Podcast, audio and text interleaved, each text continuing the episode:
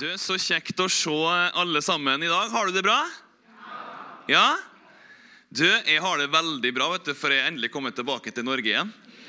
Det er så godt. Eh, jeg, tenkte bare å si det at eh, til å begynne med, Vi er jo midt inne i en eh, norgesturné, Lukas og jeg. Så nå er vi på stopp nummer eh, Er det fem eller fire? Ja. I, ok, Jeg kom opp bare for å si det da. Jeg kom opp på søndag forrige uke. Jeg kjører fra Tyskland.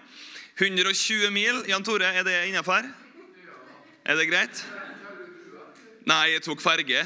Ja, Så jeg fikk en liten bandstrekk, da. Ja, så litt fjusk. Så, å komme opp, og Vi har eh, vært i Levanger, vi har vært i Trondheim, vi har vært oppe i Oppdal. Fikk hilse på folket til Inge og Ester der. Og så har vi vært i Kristiansund i går. Og så nå så er vi her sammen med det i dag. Og vi er bare så begeistra. Og faktisk både Lukas og jeg vi har bare kjent på en sånn utrolig glede eh, av å få lov å komme hit til det i dag. Så jeg tenkte, hvis barna har lyst, kan de få lov å være her så lenge de klarer å være her. Så ser vi det litt an. Og så kanskje, eh, kanskje etter hvert så sender vi dere ned. og vi skal ned. Vi får se. Vi, må høre, lytte nøye på hva som blir sagt i dag, ja, for det kommer til å være noe, noe bilde og litt forskjellig. Ok? Ja, Veldig bra. Junior 9 er kjempebra. Yes, du er klar. Ja. Ja, men så godt. Du, vi, og vi har denne norgesturneen som vi kjører nå, fordi vi ønsker rett og slett at eh, det norske folket eh, og dem som vi kjenner og som vi har en relasjon til, en tilknytning til, at de skal få en, en fersk berøring av Jesus. Det er en av de hovedgrunnene faktisk til at Lukas og jeg beveger oss ut på denne eh, treukersturen som vi er på nå. Eh, og For det andre så ønsker vi å se at det vekkes en, no, en ny misjonsglød og ny misjon, et nytt misjonsengasjement. Og så må jeg bare si helt til å begynne med Jeg bare beklager hvis norsken vår er litt sånn ute å kjøre. Det, det, har vært litt forskjellige gloser i de andre møtene som vi har hatt. Så jeg, jeg skal, ikke, skal, ikke, si Skal ikke, skal ikke skal si hva det heter. Ja, jeg skal ikke Ja, jeg kommer ikke på ordet. Det ser du. Ja. Sånn at eh, vi skal prøve å få, få ordene på plass etter hvert her. Eh, men jeg tenkte bare også ta du som er her, litt inn eh, i det som har skjedd bare nå i år. Dere kjenner jo til litt til arbeidet av Jesus to all nations allerede. Men før jeg gjør det, så vil jeg bare si takk Liv Elinor, Lars og til lederskapet her. At vi får lov å, å komme hit og være her i lag med dere i dag. Eh, vi setter utrolig pris på dere her i Nordvestkirka. For meg personlig er det alltid en fest å komme tilbake og se kjente ansikt. Eh, og få bruke litt tid sammen. Jeg syns det alltid er en sånn høydere når jeg kommer til Norge. Tusen takk også til Elin for nydelig lovsang. Vi skal få høre mer i, i, i møtet også fra, fra Elin. Eh, men jeg tenkte bare å dele litt fra det som vi har sett allerede litt nå i år. til å begynne med. Så jeg kommer til å ta en liten sånn misjonsbit til å begynne med. Og så skal Lukas, som er en oppdaling Altså begge oss to, da. Vi er utlendinger borte. Sånn at jeg bor i Tyskland. Sprechen ein bisschen Deutsch. Ja Jeg er litt på tyskerfronten. Og så har eh, Lukas da funnet seg ei frøken fra Finland, så hun kapra han og tok med han over til Helsinki. Så hvis du har lyst til å le litt finsk, det er ganske imponerende. Han snakka faktisk litt finsk. Ja, Det er en av, de et av de topp tre vanskeligste språkene på planeten. Så han er en skarping, kan jeg bare si det. Det er helt sikkert. Så Du skal få høre mer fra Lukas etterpå. Gled deg Eh, han har et Guds ord på hjertet som, som, brenner for at du skal få lov å ta del i. Og få lov å være en som bare lar livet som han sjøl lever, få lov å besmitte det med noe fantastisk i dag. Ikke sant? Nydelig. Ikke sant, Junie? Ja, blinkesko, du. Ja, det er kjekt, altså. Fantastisk. Du, jeg tenkte bare veldig kort, Det kan hende du ikke kjenner til så mye i vårt arbeid allerede. Men jeg bare la meg si det. Vi starta jo i 2018. Og, og, vårt oppdrag som vi opplever som Jesus har gitt oss, det er å være noen som forkynner evangeliet ut til nasjonene Vi er ikke veldig flinke på å bygge skoler og barnehjem og eh, ulike sånne ting som er fantastisk, men vi er kjempeflinke på å forkynne evangeliet. Det er vi veldig gode på. Eh, så Det er det Gud har gitt oss som et oppdrag, og så har han gitt oss det å utruste og sette andre mennesker i gang til å bringe evangeliet til det området, til de relasjonene, til de familiene, til den sfære av innflytelse som de har. Så utruste de troende til å gjøre tjenestens arbeid, som det står i Bibelen. Vi ser jo for oss å nå de unådde folkeslagene rundt om planeten. Visste du at det finnes kriker og kroker i dag på planeten som ennå aldri har hørt navnet Jesus? Det er en skandale, egentlig, om du spør meg. Nå er det gått over 2000 år siden Jesus døde, levde det livet vi ikke klarte å leve, døde og sto opp for oss for at vi skal bli kobla med den levende Gud. Og det finnes ennå folk i dag som ennå ikke har fått muligheten til å høre evangeliet. Det synes vi at vi skal gjøre noe med. Så det har vi på agendaen vår. Og vi ser for oss å være med på å velte om på en positiv måte landsbyer og byer, og i sin turn at nasjoner blir påvirka av kraften i evangeliet. Kan du si amen til det? Ja da, det er liv i, liv i Lundar. det er så bra. Hvis det er norsk. Noe sånt. Ja. Takk, Jesus. Eh, så her har, vi, her har vi The Dream Team. da. Her fra, fra, høyre her, Hun heter Lea. Hun er bare et par og 20 år gammel. Hun kommer faktisk akkurat rett fra Zambia. Har vært med eh, og, og støtta. Vi har litt sånn samarbeid med Christ for All Nations, som er ministeren til Reinar Bonke, overtatt av Daniel Kolenda. Eh, og de hadde akkurat, og hun, Lea var med på det, de hadde akkurat elleve store evangelistiske kampanjer på elleve ulike plasser. Og hun var med å organisere en av de her kampanjene. Og til sammen da, i det store bildet så har de sett over en million beslutninger for Jesus. Så Hun har vært der i Zambia og kom akkurat hjem. Tror hun er sliten og jobba hardt. Så nå får hun litt fri der før hun, vi sender henne ut igjen. vet du. Eh, Patricia hun har kanskje sett før. Eh, hun kommer fra Sveits. Eh, hun, har vært med oss egentlig siden etter vi var i USA i 2021. Det har òg Lukas vært med oss i Jesus All Nations siden. da. Vi treftes jo der. Lukasen her, Og så har du Katrin, kona mi, her i midten. Hun er da tysk. For du, for du som ikke kjenner henne. Yeah! Så Katrin er veldig bra. Yes, Så der har vi teamet. Vi er et lite team, men det er jo typisk Gud da, å gjøre ganske mye ut av noe lite. Så det er jo sånn, vet du, det er jo avrøring, han har gjort mye ut av noe lite der òg. Det er fantastisk. Sånn at vi, vi, er veldig takknemlige til det som Jesus gjør. Du kommer til å få høre noen sånne tall nå og se litt, sånn, se litt hva vi beveger oss i litt sånn i det daglige. Så jeg vil ikke på en måte at det skal ta det tilbake, men jeg vil at du skal virkelig bli inspirert. Hva Gud kan gjøre når du eh, sier ja til Han. Du vet ikke rekkevidden av din hengivelse til Jesus og til din eh, kjærlighet og lydighet til han. Du vet ikke hva som er i enden av det. Om, om noen hadde fortalt meg for eh, fem år siden at vi ser, skulle se det vi ser nå, har jeg kommet til å flire av den personen opp i ansiktet. Jeg har ikke kommet til å tro det. Det mener jeg helt seriøst. Når folk spør meg nå Daniel, hva, hva, hva drømmer du om, da? Daniel? Så sier jeg vet du, jeg føler jeg lever midt i en drøm. For det er rett og slett uvirkelig, nesten. Det er overnaturlig, uvirkelig, det som vi får lov å oppleve av de skarene av mennesker som kommer inn i Guds rike gjennom vårt lille arbeid i Guds store arbeid her på jorda. Det er helt fantastisk. Og det her er jo mange av dere allerede med på, så det her gjør vi jo sammen. Vi holder jo sånne kampanjer, og vi var nå tidligere i år i Bangladesh. Bangladesh er i all hovedsak eh, eh, muslimsk. Du har òg litt sånn dryss av hinduisme rundt omkring.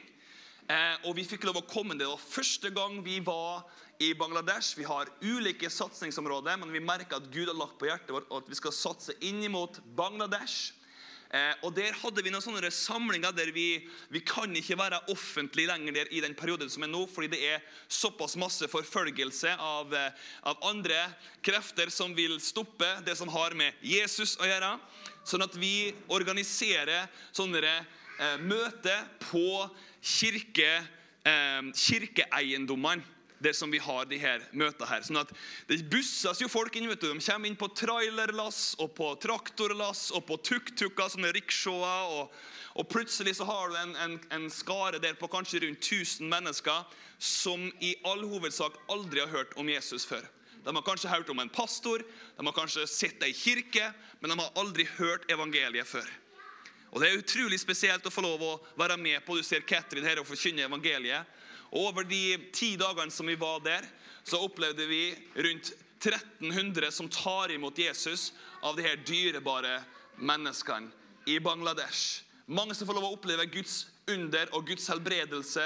Eh, til, til, altså At de begynner å høre igjen, at de begynner å se igjen. Du skal få lov å høre noen vitnesbyrd her etter hvert. Men her var vi også tidligere nå i år, i, eh, i februar-mars. Og det var virkelig fantastisk. Bangladesh har virkelig stjålet hjertet vårt. Det har virkelig skjedd. Um, når jeg var her sist, så hadde jeg akkurat omtrent vært i Kenya. Men jeg delte ikke så masse om det. Så jeg tenkte jeg skulle bare dele litt kort nå. Um, vi har tatt over et arbeid i Kenya der det er noen som har holdt på i ca. 27 år med å nå opp imot nordområdene i Kenya med evangeliet ut til ulike stammer og folkeslag blant turkana og rendille og samburu eh, og andre folkeslag helt opp imot Somalia, Etiopia og Sør-Sudan og øst i Uganda, i det området der, oppe i på en måte topplokket der. Eh, der holder vi på å nå ut. Og det Vi gjør da, vi har en større sånn kampanje i en, eh, i en, i en eh, ja, litt større enn en landsby. Town heter det på engelsk. Og så har vi noe som vi kaller for sånne rural village outreaches, eller campaigns, der vi når ut veldig djupt ut der ingen andre har dratt. Og jeg ser ei som er med oss, heter Kajsa. da, Hun er ikke lokal, hun ble lokal der. men... Um, så vi, vi, kommer jo ut der, og vi samler altså familier. Kanskje det er to familier, kanskje det er fem familier, kanskje det er ti familier. Så det er alt fra 10 til kanskje 40-50-60 mennesker som møtes.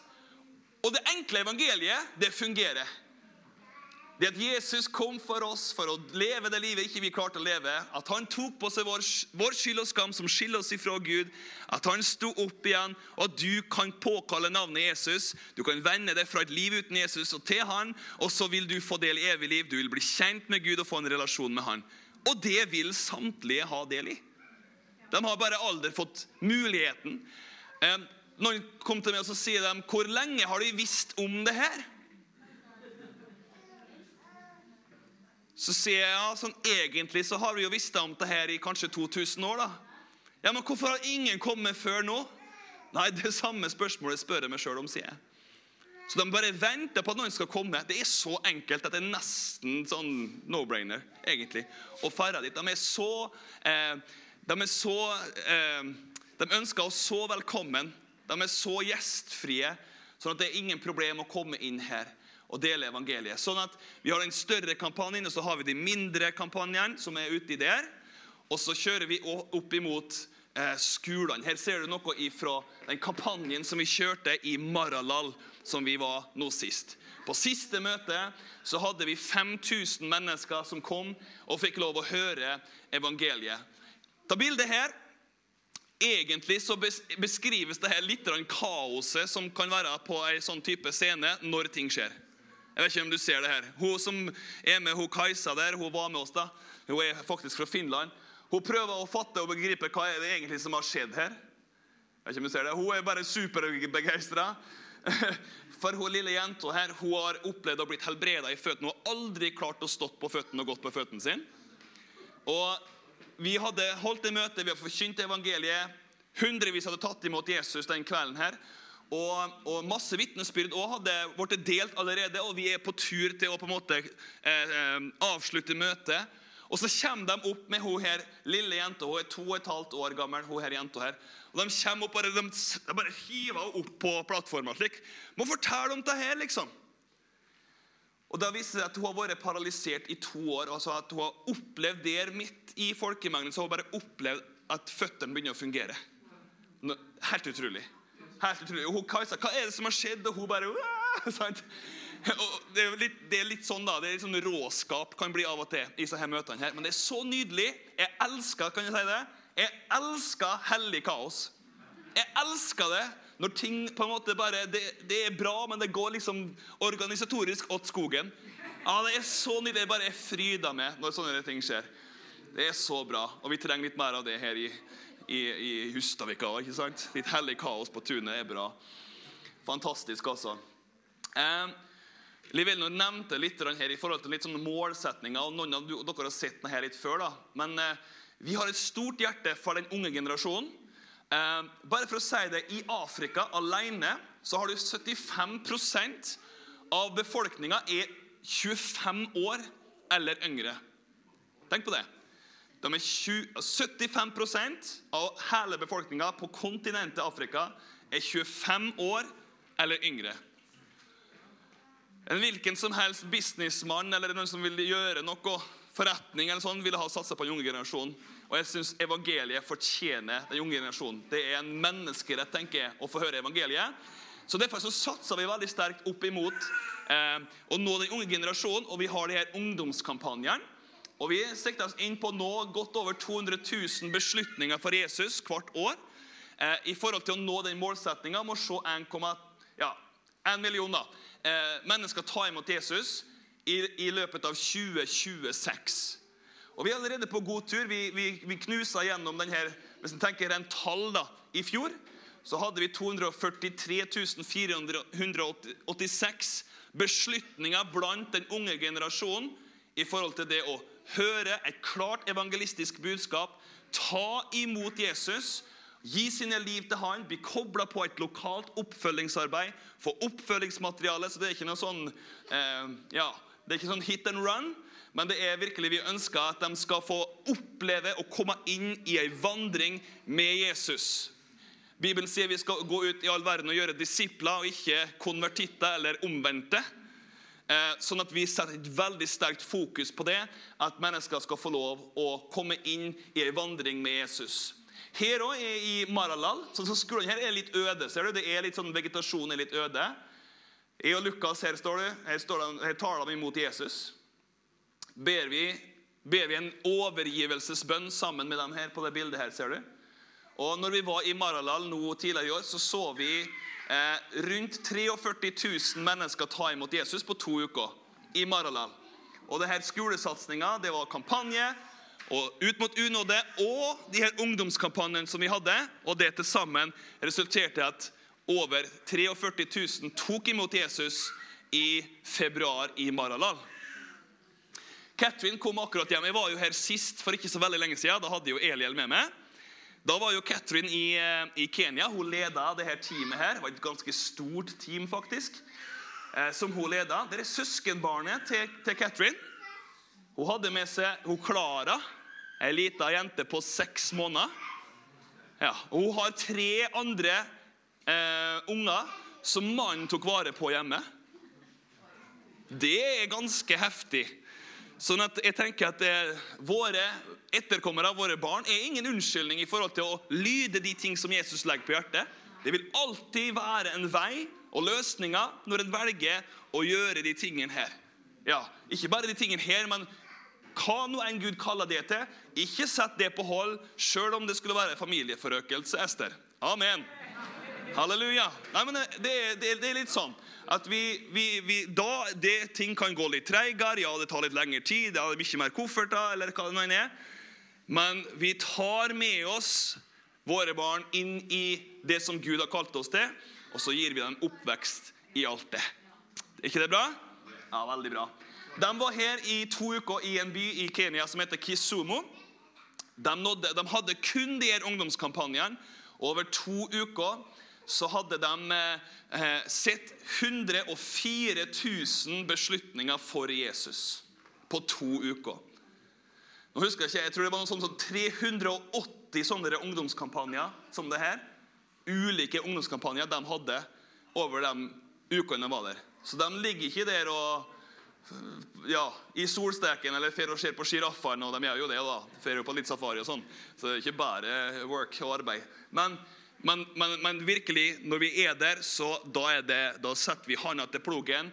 Og da ser vi Jesus virkelig gjøre massive ting. Og så klart, Bak alle så her så har du familier. Det er brødre og søstre. Det er hørt så mange vitnesbyrd. De kommer hjem.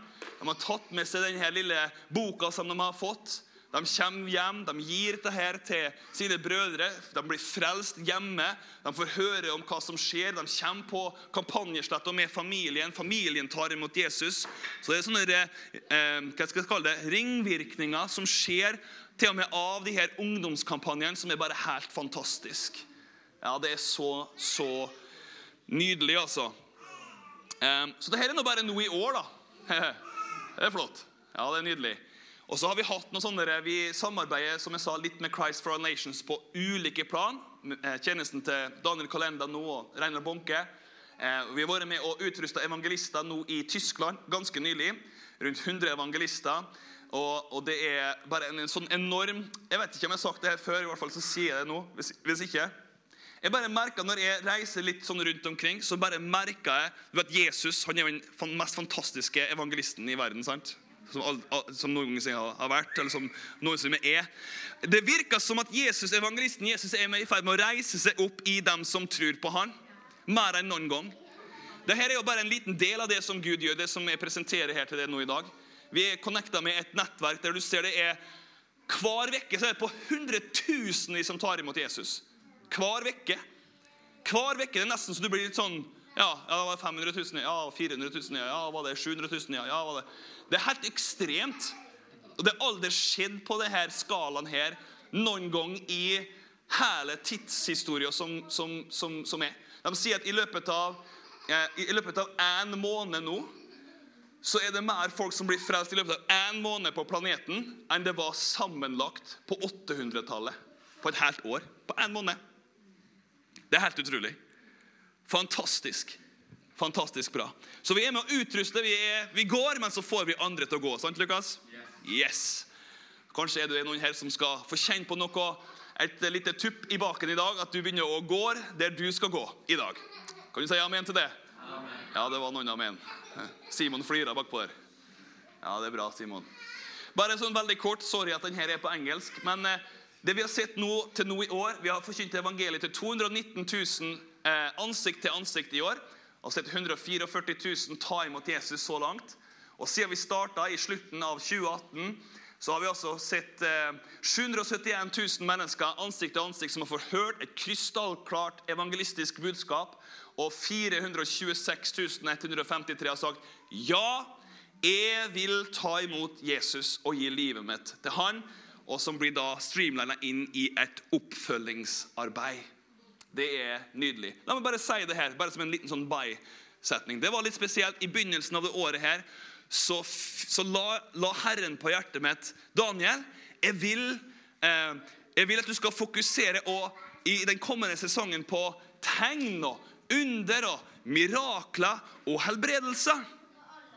Ikke ta bort noe fra viktigheten at folk skal bli frelst, men du skal legge betoning på det, fordi det er med å stadfeste ordet evangeliet. Og jeg vil du skal legge trykk og betoning på det. Og vet du hva? Dette er ganske spesielt. Siden januar til nå i år jeg har ikke det her, men så har vi sett 1400 momentane helbredelser så langt i år på mindre enn fem måneder. For nå har vi ikke hatt så mye som skjedde de siste månedene der ute. Så fire måneder, da, sånn effektiv.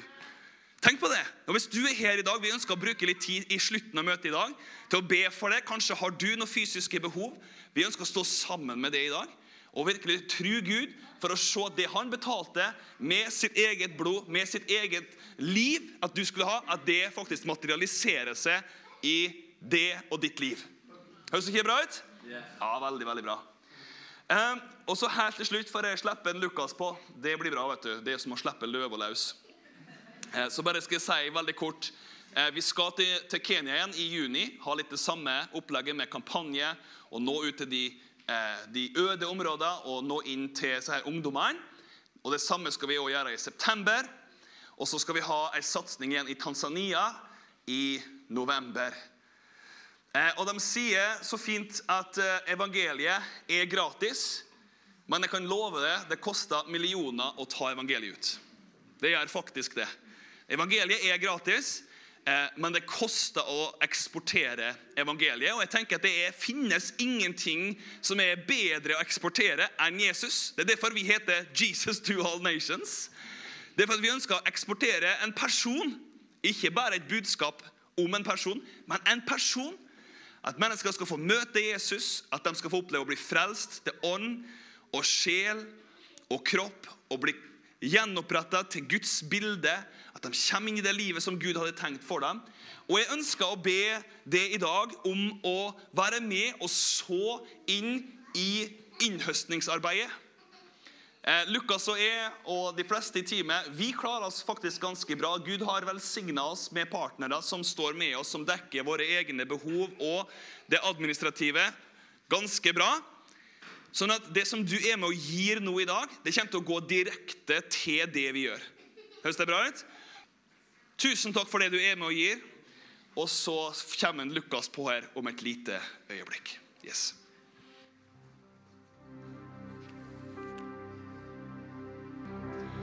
Tell me the name of a prophet or a king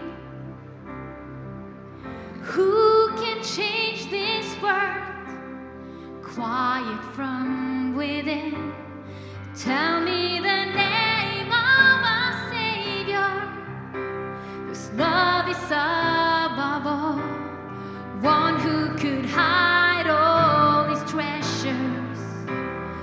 behind a broken soul. I love the name Jesus. I love the name Jesus. I love the name Jesus. It's been so good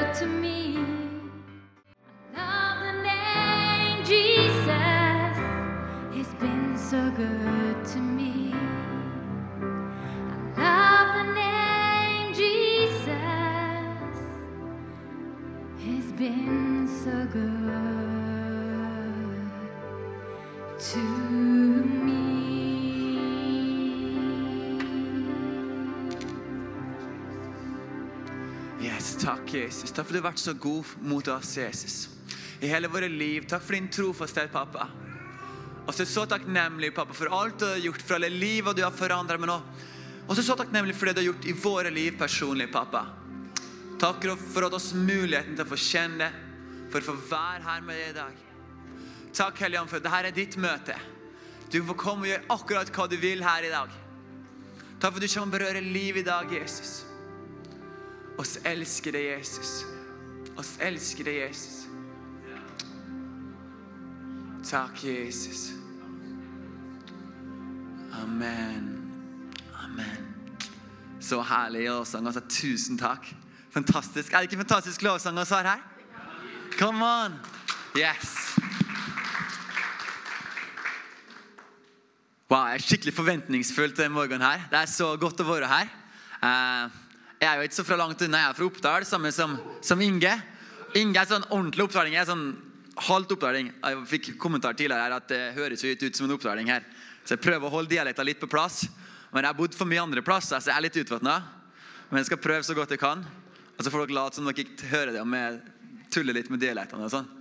Uh, det er skikkelig fint å være her. Daniel har fortalt meg utrolig mye om Nordvestkirka. Om, du må komme, Lukas. Du må bli med ut der. Det blir så bra. Du skal få møte min gjeng, liksom. Der jeg har vokst opp. Og, og nå er jeg endelig her. Og jeg er utrolig takknemlig for å se dere. Og det er fantastisk å være her med dere. Um, som Daniel nevnte, så bor jeg nå i Finland. Jeg bor i Helsinki. Med på hun med han ut. så det er veldig bra. Jeg tar litt finsk, prøver å lære meg. Uh, det går sånn uh, Det går ikke så bra, men det går.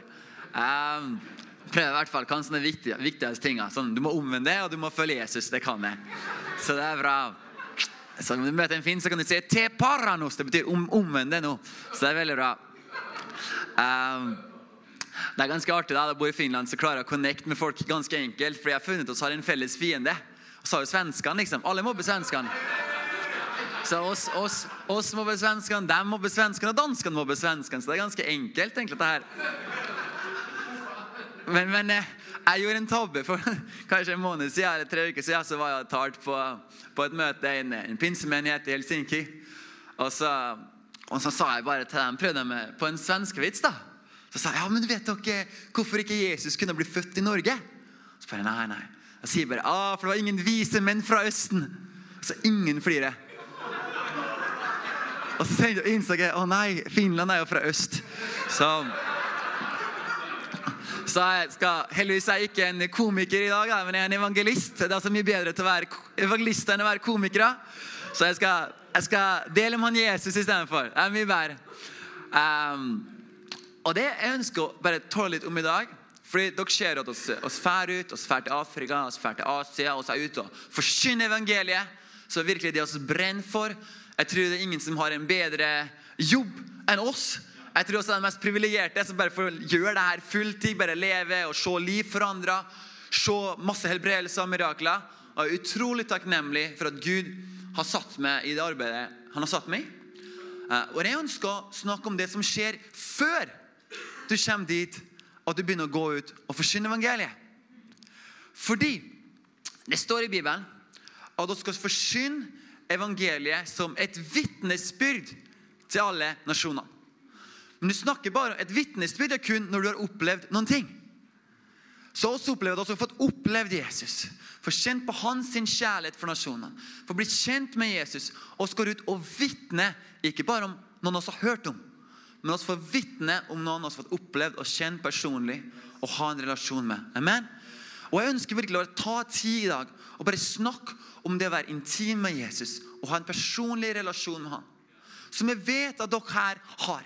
Men jeg ønsker å, å bare, at dere skal få oppleve en sånn hunger, en lengsel etter å kjenne Jesus enda dypere. Etter å kjenne hans sitt hjertebank for nasjonene. Og bli oppmuntret til å ta hans kjærlighet ut til dem rundt oss. Fordi dere sjøl har opplevd hans kjærlighet i deres liv personlig. I Markus kapittel 13, vers 14 og 15 skal jeg bare nevne quote. Jeg nevner, det blir bra. Så, så snakker det om at da Jesus han utpekte de tolv apostlene. Og Det er ganske interessant. Det er tre grunner for at han gjør det her. Og nummer én, Den første tingen som står, at Jesus utpekte de tolv for at de kunne være med ham. Det var det første. Det var nummer én grunn for at han utpekte de tolv apostlene. Så de kunne få være med ham. Så de kan få ligge til hans sitt bryst og bare kjenne på hans sitt hjertebank. Kjenne på hans kjærlighet for å bare skreke ut alle de fortapte rundt. Og få bare lære seg hans stemme. Lære seg å gjenkjenne Jesus' stemme. Hans hjerte, hans tanker. Og fra den plassen så står det for å sende de ut for å forsyne evangeliet og ha kraft, autoritet til å helbrede alle slags sykdommer og kaste ut demoner. Amen? Men nummer én var for at han kunne få være med ham. Og Det er litt det jeg ønsker å snakke om. Og i Johannes kapittel 13, vers 21. La oss bare gå litt sammen fort. Liker dere Bibelen? Hvem her er glad i Bibelen? Løft en hånd om du er glad i Bibelen. Veldig bra. Jeg er veldig glad i sånn papirversjon av Bibelen, men jeg tilgir det. Eh, Om du har mobibel eller iPad-bibel eller hva du har. Så Johannes kapittel 13, altså vers 21. Jeg skal lese et par vers der. Og Dette er veldig interessant. Da Jesus hadde sagt dette, ble han rystet i ånden, vitnet og sa, sannelig, sannelig, sier dere, en av dere skal forråde meg. Da så disiplene på hverandre og undret seg over hvem han snakket om. En av disiplene, den Jesus elsket, satt ved Jesus' side og lente seg mot ham. Simon Peter gjorde da tegn til ham for at han skulle spørre hvem han snakket om. Da lener han seg bakover mot Jesu bryst og sier til ham, 'Herre, hvem er det?' Så det som har skjedd her, er at Jesus har siste måltid med, med disiplene, og han sier, 'En av dere skal forråde meg.' Men ingen tør å spørre Jesus, så de spør Johannes. Fordi Johannes han er kjent for han som alltid er nærme Jesus. Han, han lener seg mot Jesu bryst, så de spurte, 'Johannes, kan ikke du spørre Jesus hvem han snakker om?' Og Gud han ønsker at oss, at du og meg, skal få være som Johannes. At dem rundt oss i bygdene her, i landet vårt, de har spørsmål om Gud. Og de vet at du kjenner Jesus. Og de spør du, unnskyld, Liv Lenor, hva, hva betyr det her? Hva, hva sier Gud om det her? Eller Jon Tore, hva sier Gud om det her? Hvorfor det her?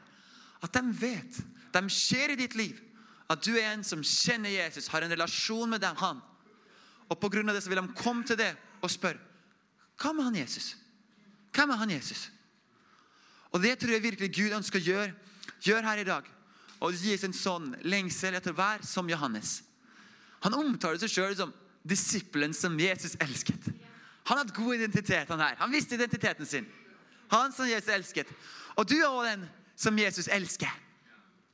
Ikke bare elsker, han elsker det så høyt.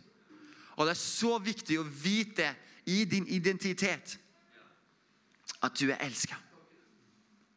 Og at du kan høre Guds stemme. I Johannes 10, vers 27 så står det at mine sauer hører min stemme, og jeg kjenner dem, og de følger med.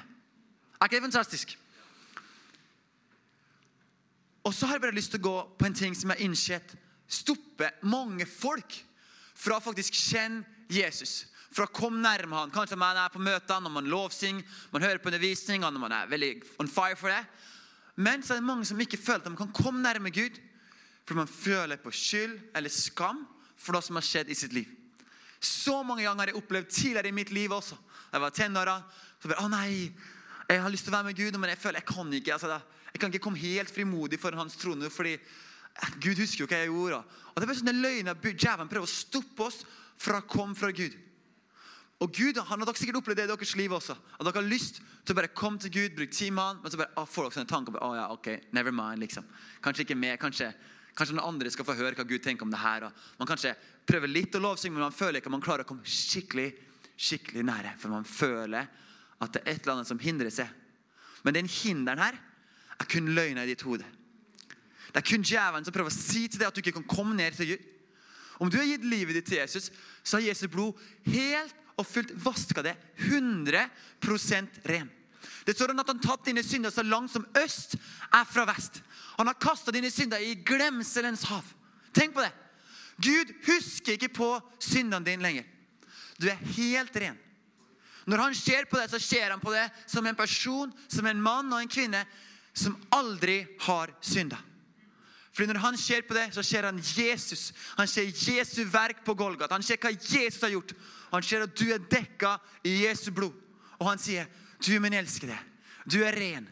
Du er tilgitt. Du er fri.' Og Derfor kan man frimodig komme fram for Guds trone og være med han. Ligg tett inntil hans bryst. Sitt ved han.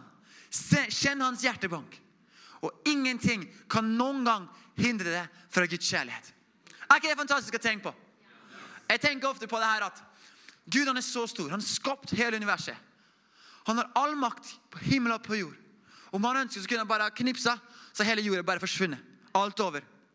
Og han som er så mektig, han ønsker fortsatt å sende Jesus for å lage en vei så vi skal få kjenne Gud personlig. Han ønsker å bli personlig nok for at oss kan få snakke med han. For at oss kan få høre hans stemme.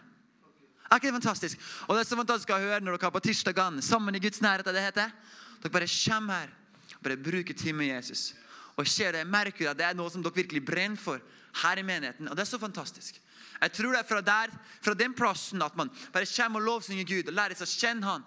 Det er der ting begynner å spire og gro, og ting kommer til å vare. Amen. Um, og Bibelen sier, som jeg sa, at det er helt ren. ok? Og man ønsker å leve i renhet. Og så er det mange grunner kan man føle at ok Gud, jeg må bare, nå må jeg skjerpe meg. liksom. Nå må jeg bare prøve. Så klart, jeg må leve ren liksom, for å, for å være, ha din ære, for å ha din eh, eh, veldig bra. Takk, takk. Og så føler man at det er sånn byrde man bare må prøve. Men om det er motivet, så blir det bare som en byrde. Det blir veldig vanskelig. Men hva om heller at vi ønsker å leve et rettferdig? Vi ønsker å leve i renhet. For vi ikke ønsker at noen ting skal skille oss fra Gud. Ingenting skal komme i veien for at vi kan ha en intim relasjon med Han. Hva om det er det som motiverer oss for å leve sånn som Bibelen sier? For Jesus, jeg ønsker ikke at noen ting skal hindre meg for å høre din stemme. Jeg vil ikke at som skal sear my conscience, skal ødelegge samvittigheten min. eller Gjør noe så jeg ikke klarer å høre det. Men jeg ønsker å leve helt og holdent for deg, Jesus. For jeg ønsker at ingenting skal komme imellom.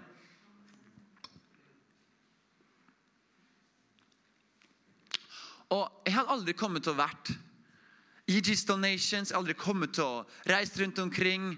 Vært bort fra kona mi i fire uker, bare to måneder etter å bli gift.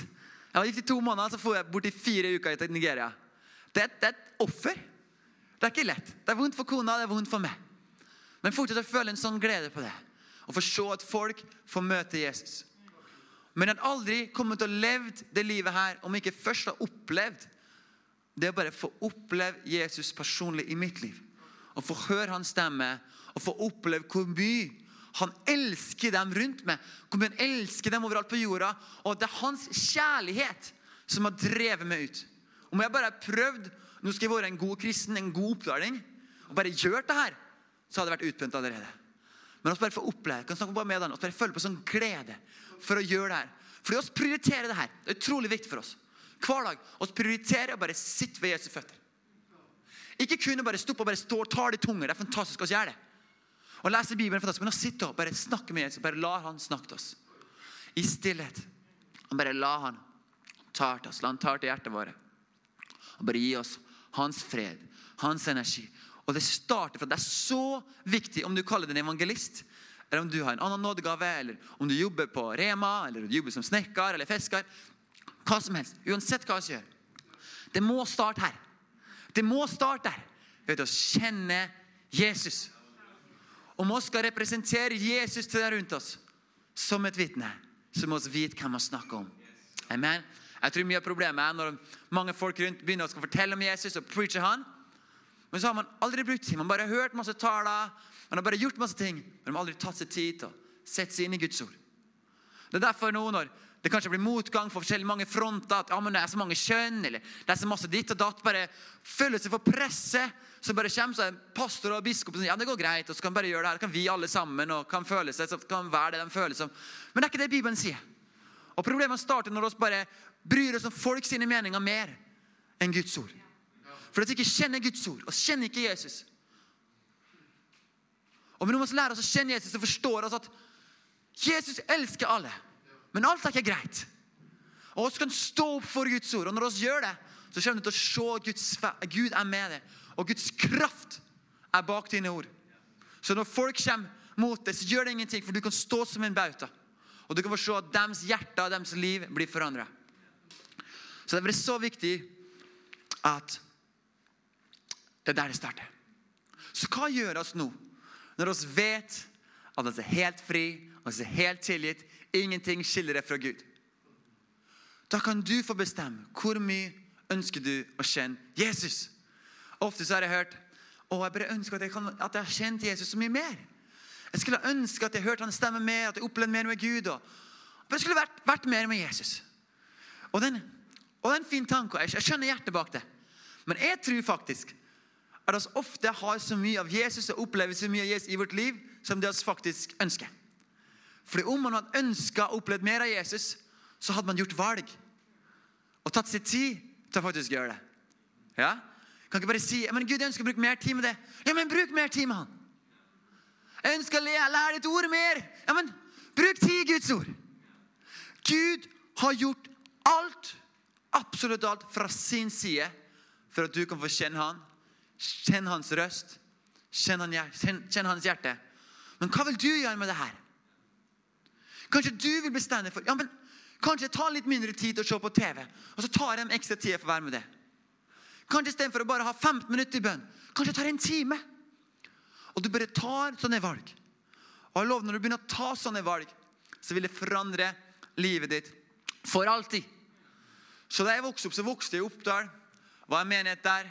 Og det var fint. Og jeg visste alt om, om, om teologi. Ikke alt, det var nøyd. Jeg visste masse om teologi. Jeg har vært på søndagsskolen, jeg har hørt med Jesus.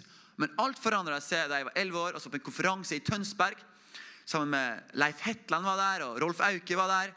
Og det var bare sånn gudsnærvær i det rommet der. Jeg var 11 år bare. Jeg tror Noen møtene varte i fem timer. Og jeg kjeda meg ikke. For det var et eller annet i det rommet der som bare Wow, hva er det her for noe? For Guds nærvær var så sterkt der. Og noen ba for meg og bare kjente Den hellige ånd for første gang i livet mitt. Og jeg ropte what? Til og med fysisk. Jeg følte som en sånn kjærlighet som bare for gjennom kroppen min. Som en elektrisitet i hendene. Og bare Hva i alle dager? Og jeg bare tenkte, Kan jeg oppleve Gud på en måte? Kan jeg kjenne Gud personlig? Og bare ga meg en sånn en hunger etter å ha brukt tid med Gud. Så allerede som en 12-13-14-åring så Jeg var heldig, så alle søstre, jeg har tre storesøstre. De er litt eldre, men så alle flytta ut. Så jeg hadde hele kjelleren for meg sjøl i mange år. Jeg bare opplevde bare Gud ga meg en sånn lengsel. Bare å bruke han og kjenne han. Så før skolen som en 12-13-åring, som jeg trodde alle andre gjorde, jeg bare sto opp enda tidligere om morgenen for å bruke tid med Gud og be. Og bare være i hans nærvær. Og de tida, da var jeg 12-13-14 år, jeg hadde noen sånne møter med Gud som har bare totalforandra mitt liv. Jeg husker bare sitte der eller bare gå ned i kjellerstua og ta med Bibelen min eller en annen kristen bok. Og så kanskje hatt på litt lovsang, og så sa jeg bare Gud, jeg ønsker å kjenne deg. Kan bare fyll meg. Takk for at du er her. Og så satt jeg bare og venta. Av og til kunne jeg Det føltes som jeg hadde venta to timer, så hadde jeg sett på klokka, så var det ti minutter. Ingenting har skjedd. Av og til kunne jeg sitte 30 minutter, en time, av og til mer. Og av og til i starten så opplevde jeg absolutt ingenting. Men jeg bare visste Gud kan møte meg her. Og jeg ønsker å kjenne Gud. Så jeg fortsetter å gjøre det. Plutselig kan man kjenne bare Guds nær. Kanskje kjenne litt sånn, en vekt henne. Wow, takk, Helligånd. Jeg vet at det her er det. Takk for at du er Helligånd. Så får du oppleve mer. Plutselig kjenne mer og mer. Plutselig er bare Guds nærhet som et teppe rundt meg. Bare ligger der på gulvet eller sitter i sofaen. Og bare Gud begynner å snakke til meg. Bare kjenne hans nærvær. Bare vet, bare ligger der. Kan ligge der. Sier absolutt ingenting. Og bare lar Guds nærvær bare røre ved hjertet mitt. Og de tida der, det forandra meg så utrolig mye. Og det er ingenting som er bedre. Det er ingenting som gir meg mer glede og energi enn å bare være med Gud. Og det er noe som Gud ønsker at oss alle skal få oppleve, tror jeg. Og få kjenne Han i hans stillhet. For det er ofte en, en venn Tenk at du er venn med noen personer. Hvis jeg og Daniel, og så er jeg veldig god venn allerede. Men tenk om vi ikke er venner ennå. og skal bli venner. Og så bare møtes og hver gang så bare kommer jeg og forteller. Jeg bare, brrr, Oppdal er bygd over alle bygder. Er så god på ski, du er dårlig på ski. og så Kjempebra. Men så lar alle Daniel eh, snakke tilbake til meg. Så blir det så blir det aldri en god vennerelasjon. Fordi jeg bare snakker, men jeg tar meg aldri tid til å høre. Og ofte er det sånn eh, i våre bønneliv. Og skjønner Gud, takk Gud for det du har gjort. Jeg ber du skal gjøre det her for meg. Hjelp meg med det her, gjør det her for meg. Okay, her er ditt ord, jeg leser ditt ord, veldig bra. Ok, Takk for at du gjør det her. Ha, takk for at jeg kan få ha en fin dag. Amen. Ikke? Og det er fint. Og så kanskje Gud sitter og vil si noe tilbake. Ah, og bare, ah, ok, er for noe? Men ta seg den tida til å bare la Gud svare deg. Ta den tida til å la Gud snakke til deg. Er villig til å sitte der kanskje 30 minutter og ikke høre noe. Plutselig kan du høre en kvisker. Plutselig hører du den indre stemma. Lille, lille stemma. Ofte kan man høre Man kan høre, man ser i Bibelen at Gud eh, kommer sånn audibly, altså du hører fysisk en stemme. Du ser det med Eli og du ser det gamle at folk, Samuel hørte Guds stemme fysisk. Du kan høre det. Folk ser visjoner. Det av og til også. Men oftest når jeg hører Guds stemme, så er det når det er helt rolig. Og bare en liten, liten stemme. Og Det er så viktig at vi at vi lar Guds nærvær fascinere oss. Fordi det er nye dybder hele tida. Det er alltid mer av Jesus vi kan se og oppleve. Og fra den plassen at du bare lærer deg å nyte Guds nærvær og være med Han. For jeg lover, Når du begynner virkelig være med Han og kjenne Jesus, så kommer han til og du lærer deg å høre hans stemme. Når du går på butikken, så kommer han til å si til deg av og til Hei, ser du han personen som halter der? Jeg har litt lyst til å helbrede han. Kan jeg bruke det i dag? Har du lyst til å gå og be for han? Er hun der? Kan du dele evangeliet med han der?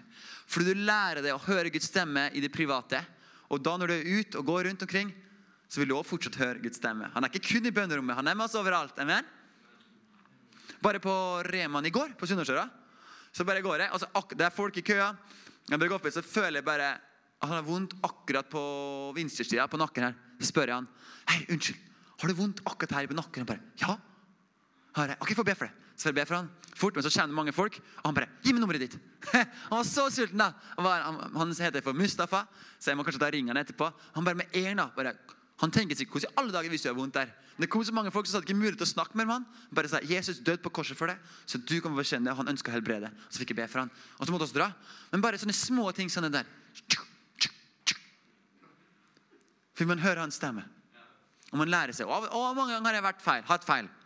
Veldig mange ganger. Men man lærer seg. Og det går fint. Hvis ikke så, De syns du er rar uansett. Som du sier noe rart igjen, det går bra. Det Det er ikke noe problem. De syns du er rar som tror på Jesus. Som du sier at ja, men jeg prøver bare å lære meg å høre Guds stemme. Jeg føler at du har vondt i skuldra. Men kanskje det er feil. Det er greit. Har du vondt en annen plass, da? Og du har vondt i kneet, men la meg be, da. I Jesu navn. Amen. Veldig bra. Det er så enkelt, vet du. Um, Gutta krutt, ja. Dette er så fantastisk bibelvers i Salmene 27,4. Bare hør på det her. Du trenger ikke å slå det, bare hør. Salme 27,4. Én ting ber jeg Herren om. Dette ønsker jeg. Å få bo i Herrens hus alle mine dager. Så jeg kan se Herrens skjønnhet og være i Hans tempel. Og I Salme 25, 15 står det Mine øyne er alltid vendt mot Herren, for han drar mine føtter ut av garnet. Én ting ønsker jeg. For å bo i Herrens hus. Og Det var i Gamle testamentet. Nå sin pakt, og så kan alltid få være i Herrens hus. Der også er, så er Guds nærvær med oss. Gud er alltid med oss. Overalt man kjører bil, kan man gjøre, så kan man få bare sa til og takke Jesus for at du er her. Han kommer til å komme ditt nærvær. Komme sitt nærvær. Og han er alltid med oss. Det er så fantastisk. Og en ting som er fantastisk, det er at når du går ut og på Guds ord, når du går ut og kanskje går litt ut av komfortsona di Kanskje det er litt ukomfortabelt for deg å snakke med naboene eller snakke med dine kollegaer om Jesus. Så kommer du til å oppleve nye dimensjoner av Guds um, comforter. Altså hva er det? Trøster og Guds nærvær som du ikke har opplevd før. La meg si det, Jeg var i Luftforsvaret etter jeg var på bibelskole. Så Jeg gikk liksom, jeg var to år i bibelskole i USA. Så fra kristen boble til ikke-kristen boble, for å si det sånn. ja. I Luftforsvaret. Um, og Der opplevde jeg å bare fordele med folk. Og Jeg husker det var en gang um, Kanskje jeg har vært, nå har vært i miljøet veldig langt. Tre dager! Så jeg tenkte, Nå er det på tide å dele Jesus. Nå, for Jeg fikk, liksom til, jeg fikk eh, tips av noen andre. Du må bare holde litt lav profil med en gang, så de ikke bare utstøtte det. For hadde, Han hadde en pappa som bare kom, og så hadde han kom inn i første dagen. Ja, folkens, Og så slått Bibelen på bordet, liksom. Og så hadde han ikke fått snakke med folk. Men jeg hadde snakka med folk i to-tre dager. Så jeg, tenkte, nå er det på tide å få be for folk. og få dele evangeliet. Det har gått lang tid. Så i gangen utenfor rommet så var det ei som hadde skadet kneet. Uh, og Noen venninner sto rundt der, andre folk fra troppen min. Og bare, hei, kan jeg få be for det? Og Jeg har sett så mange helbredelser. at Jeg kommer rett fra bibelskole. Nesten, faktisk, nesten alle ikke-kristne bedt for på Gava. Gata, I hvert fall over 90% ble helbredet, tror jeg. Det var helt utrolig. Så mange folk ble helbredet. Fantastiske ting som skjedde. Så ber jeg for hun dama her. Ber en gang, ingenting skjer. Ok, la meg be igjen. liksom. Ber igjen, ingenting skjer. En tredje gang. Bare ingenting skjer. Og jeg bare Ok, takk for å be for det, liksom. Um, og de bare, ok, de, de var liksom, ok, liksom, de forventa jo ikke at noen ting skulle skje uansett. Så de var ikke så spesielt skuffa. Liksom. Og jeg bare går på rommet. Gud, hva skjer? Så husker jeg legger meg den kvelden. og Senere på den dagen blant litt dagen, så og bare få delt evangeliet med noen. Uten at de ville ta imot Jesus. Men jeg bare husker jeg legger meg i sengen den dagen etter det. Ser ut som man har feila. da, skjønner du? At man ikke har sett det man skulle ha. Og bare kjent Guds nærvær på en måte som jeg nesten aldri før har kjent. Det var sånn, en sånn dyphet av Guds herlighet når jeg la meg i senga. På rommet, fem andre ikke-troende bare lå der i køyesenga og bare wow. Ikke fordi de ble helt bra, men bare Gud bare på en måte trøsta meg. Og jeg bare, jeg fortsatte med liksom.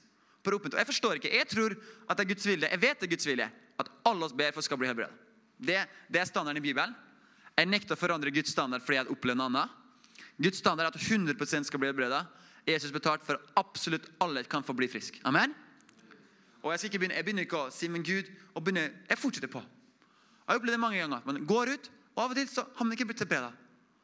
Og du kan føle, føle Men det, det lar det ta det i en sånn dybde. Og det, lar, det, gir et rom for Den hellige ånd for å komme og trøste. Hvorfor, treng, hvorfor kaller Jesus Den hellige ånd for the comforter, for trøsteren? Det er fordi når vi går ut av komfortsonen og trenger å bli trøsta, så har vi Hellige ånd. Men ofte så opplever oss aldri Den hellige ånd som en trøster, for vi holder oss i vår trygge sone. Og trenger aldri bli trøsta på den måten. Men når du går ut så kjenner Den hellige ånd til å være med deg. Og Jeg vil bare oppmuntre deg til å bare gjøre det. Gå ut av komfortsonen. Og Gud han er med deg, enten du føler det eller ikke. Amen. Jeg skal snart gå for landing, men jeg vil bare dele, så Daniel nevnte jo da vi var i USA. At vi var trent av Daniel Kolenda der. Det var helt eh, crazy bananas. Det er det sykeste jeg har opplevd tror jeg, i mitt liv. Jeg og Daniel er kanskje alltid vant til å være liksom, evangelister som må dra på folk og liksom være dem som er spydspisser. og liksom oss bare, kom igjen, nå må vi dele evangeliet. Men det var liksom at det bare skifta litt. Og alle andre og den som dro med, bare wow, det er crazy! Du kjører bil, de ruller ned vinduet og bare Jesus loves you! Give your life to Jesus! Og jeg bare, Åh, I baksetet, liksom. Um, så bare være med 100 andre evangelister som var mye gærnere enn oss, det, det var skikkelig bra. Det var superbra. Eh, og etter tre måneder i Orlando, Florida der, så hadde han satt eh, undervisning. Så var det ut på Misjonsmarka for, for å sjekke at det faktisk eh, At det her funka. da. Altså ut på i i tre uker for å forsyne evangeliet. Og rett for det her så hadde jeg faktisk vært en ungdomsleder i Mo i Rana. Men det var jo akkurat da koronaen brøt ut, så jeg var vant til å ha ungdomsmøter. og tar for fire-fem stykk, kanskje. Cellegruppe med én til to stykk som brukte å komme. Og så plutselig så har jeg fått vært her. Jeg husker en dag så kjører vi tilbake og så har prekt mange ganger den dagen. Og Første gang i mitt liv jeg tar til over 1000 stykk på en gang. sånn som du så på det her. Og så ble så mange folk tatt imot Jesus. Og Jeg husker jeg kjører tilbake. Jeg er så takknemlig til Gud. og bare, wow, Gud. Profetiske orda kom i oppfyllelse. og Det er så fantastisk. Takk for at du bruker meg, pappa. Jeg var bare skikkelig sånn takknemlig. Og så begynner, begynner jeg nesten å skrike og bare Så bare merka jeg bare Men det er, det, som, det er ikke det som fyller meg. Jeg bare, Gud, jeg bare gleder meg sånn til å bare komme rett tilbake på hotellrommet. Bare få være i ditt nærvær. Bare bruk tid med det. Bare det er det som gjør alt det her verdt det. Det er litt som at belønninga for alt det vi gjør, det er, liksom, det er bare å være i Guds nærvær. Det er mer enn nok lønn. Har du så mulighet til å få kjenne Jesus på den måten her. Tenk på det. At du kan få oppleve Jesus. Og det er det som er lønna for. Ikke at vi trenger å, å fortjene å få være Guds nærvær. Det, det er tilgjengelig for alle. ok? Jeg sier ikke at du må fortjene å være Guds nærvær. Du fortjener å være Guds nærvær pga. det Jesus har gjort på korset. Men det er mer enn nok lønn for oss. At bare få oppleve en relasjon med Jesus. Og få kjenne han personlig hver eneste dag. Og Det bare fyller meg med så takknemlighet. Og det er litt det som er så viktig. At det der det må være fundamentet. Ikke på alle får testament, nei, test, testament, testament skal jeg si, det er helt feil. Vitnesbyrd. Ikke at vi får noen kule historier, eller det skjer ting. Men det starter ved at man får være en venn av Jesus. Det starter med at man får være en venn av Jesus. Og det er det som må være fundamentet i våre liv. Og til slutt så vil jeg lese om Mary of Bethany, Maria. I Johannes 12, vers 2 og 3, så står det det her. Og Jeg syns det her er så sterkt, den historien om, om Maria her. Takk, Jesus. Ok, Johannes kapittel 12, vers 2 og 3. Der lagde de et festmåltid for ham. Martha vartet opp, mens Lasarus var en av dem som satt ved bordsmann. Så Lasarus har blitt vekk til de døde. Nei, fra de døde, ikke til de døde. Fra de døde før det her. Da tok Maria et pund svært kostbar olje av nardus, salvet Jesu føtter og tørket dem med håret sitt. Huset ble fylt av salveoljens duft. Vet dere at det her kostbare olja hun hadde, det var kanskje alt hun eide. Det var, de sier det var alt hun eide. Og det var verdt en hel årslønn. Det var, det var alt hun hadde. Og kjære, hun kom ikke bare tømt litt olje over Jesus. Men det sto i en annen plass står det knuste krukka. Og tøm alt. Hun knuste krukka, så hun aldri kunne tømt det her på noen andre senere. Hun sa til Jesus her gir jeg deg alt. Det er ingen option nummer to. Det er ingen andre. Jeg skal spare litt til, så jeg kan gi litt til noen andre senere. Jeg gir absolutt alt. Og det sto at hele rommet ble fylt av luften av denne salveolja. Lukta, mener jeg. Lukta, ble, lukta det her. Og det lukta av det når du har vært med Jesus. Folk rundt deg som har lukta det. De kjenner at du er en som kjenner Jeg mener ikke svettelukta di, Daniel, men jeg kjenner Guds nærvær. De lukter, de merker at du har vært med Jesus. Og det er min bønn for dere i dag. Ja, I Markus 14, 3 så står det mens de lå til bords, kom det en kvinne med en alabastkrukke med ekte og kostbar nardusalve. Hun brøt krukken og, og, og helte salven ut over hodet hans. Og bare til avslutningsvis, La oss gå i Lukas 10, så skal vi avslutte her. Og etter hvert her, Snart kommer vi til å gi deg en mulighet til å gjøre akkurat som Maria. Du skal få komme, du skal få bestemme for å knuse din krukke. Og hell alt ut for Jesus. Og ta et valg om at yes, jeg ønsker å være som hun. som bare gir alt, øser ut alt til deg, Jesus. Jeg ønsker ikke noen andre som jeg skal holde litt tilbake for.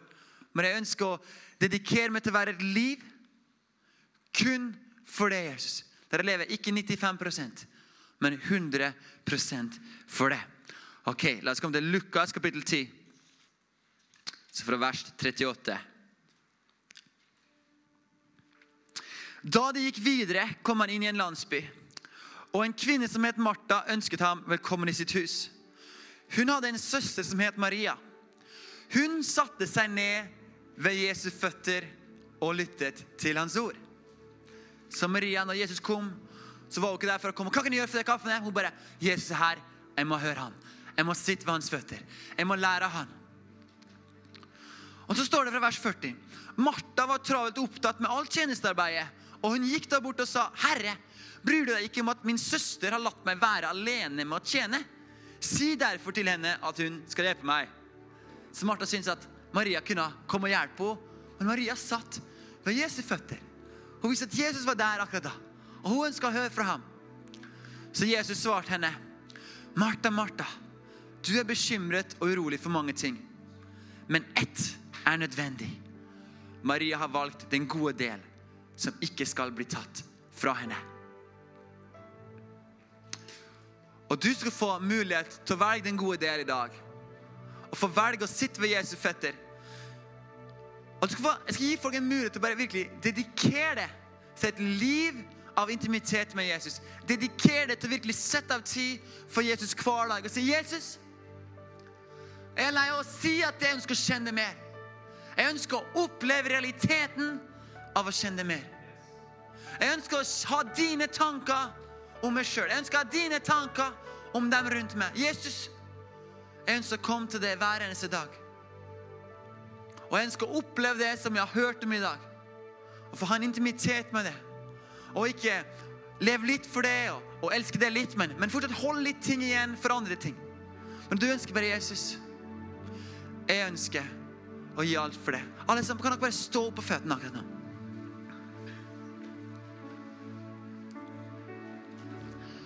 Om du er her og du merker det, det hamrer litt i hjertet, det banker litt i hjertet, og du ønsker å ta en sånn dedikasjon, ta en sånn beslutning. Jesus, jeg ønsker virkelig å bare gi hele mitt liv for å få kjenne det, for å bruke tid, for å være intim med det. Og jeg ønsker å øse min salv, knuse min krukke og øse mitt liv for det. Så ønsker jeg du skal få respondert til det som et tegn for Gud. og bare få komme foran. Hvis du ønsker det, hvis du merker det, hvis det er for det, så bare kom fram til scenen akkurat nå. Du skal ta litt tid å be sammen. Om du ønsker det å bare være intim med Jesus og dedikere ditt liv for han, for intimitet med han, så kan du få komme fram akkurat nå.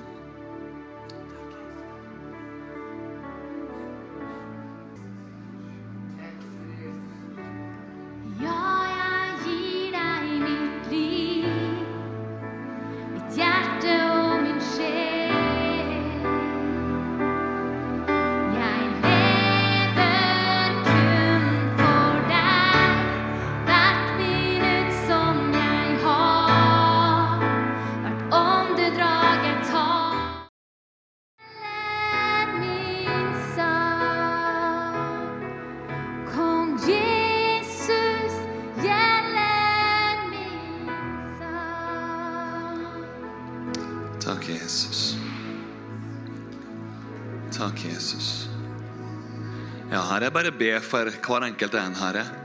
Bare ber om bare ny kraft, Herre. Og ny styrke, Herre. Ny glede. En enkelhet som aldri før. I forhold til det bare å være sammen med deg, Jesus. I forhold til det å ta imot. Takk at vi alle, Herre, skal bli supergode på å ta imot ifra det. Som grena, Herre, som tar imot sevje og bare produserer ting uforskyldt. Jeg takker for din fred, Jesus. Ingen sjølstrev, Herre. I Jesu navn. I Jesu navn. Takk, Far. Prisa deg.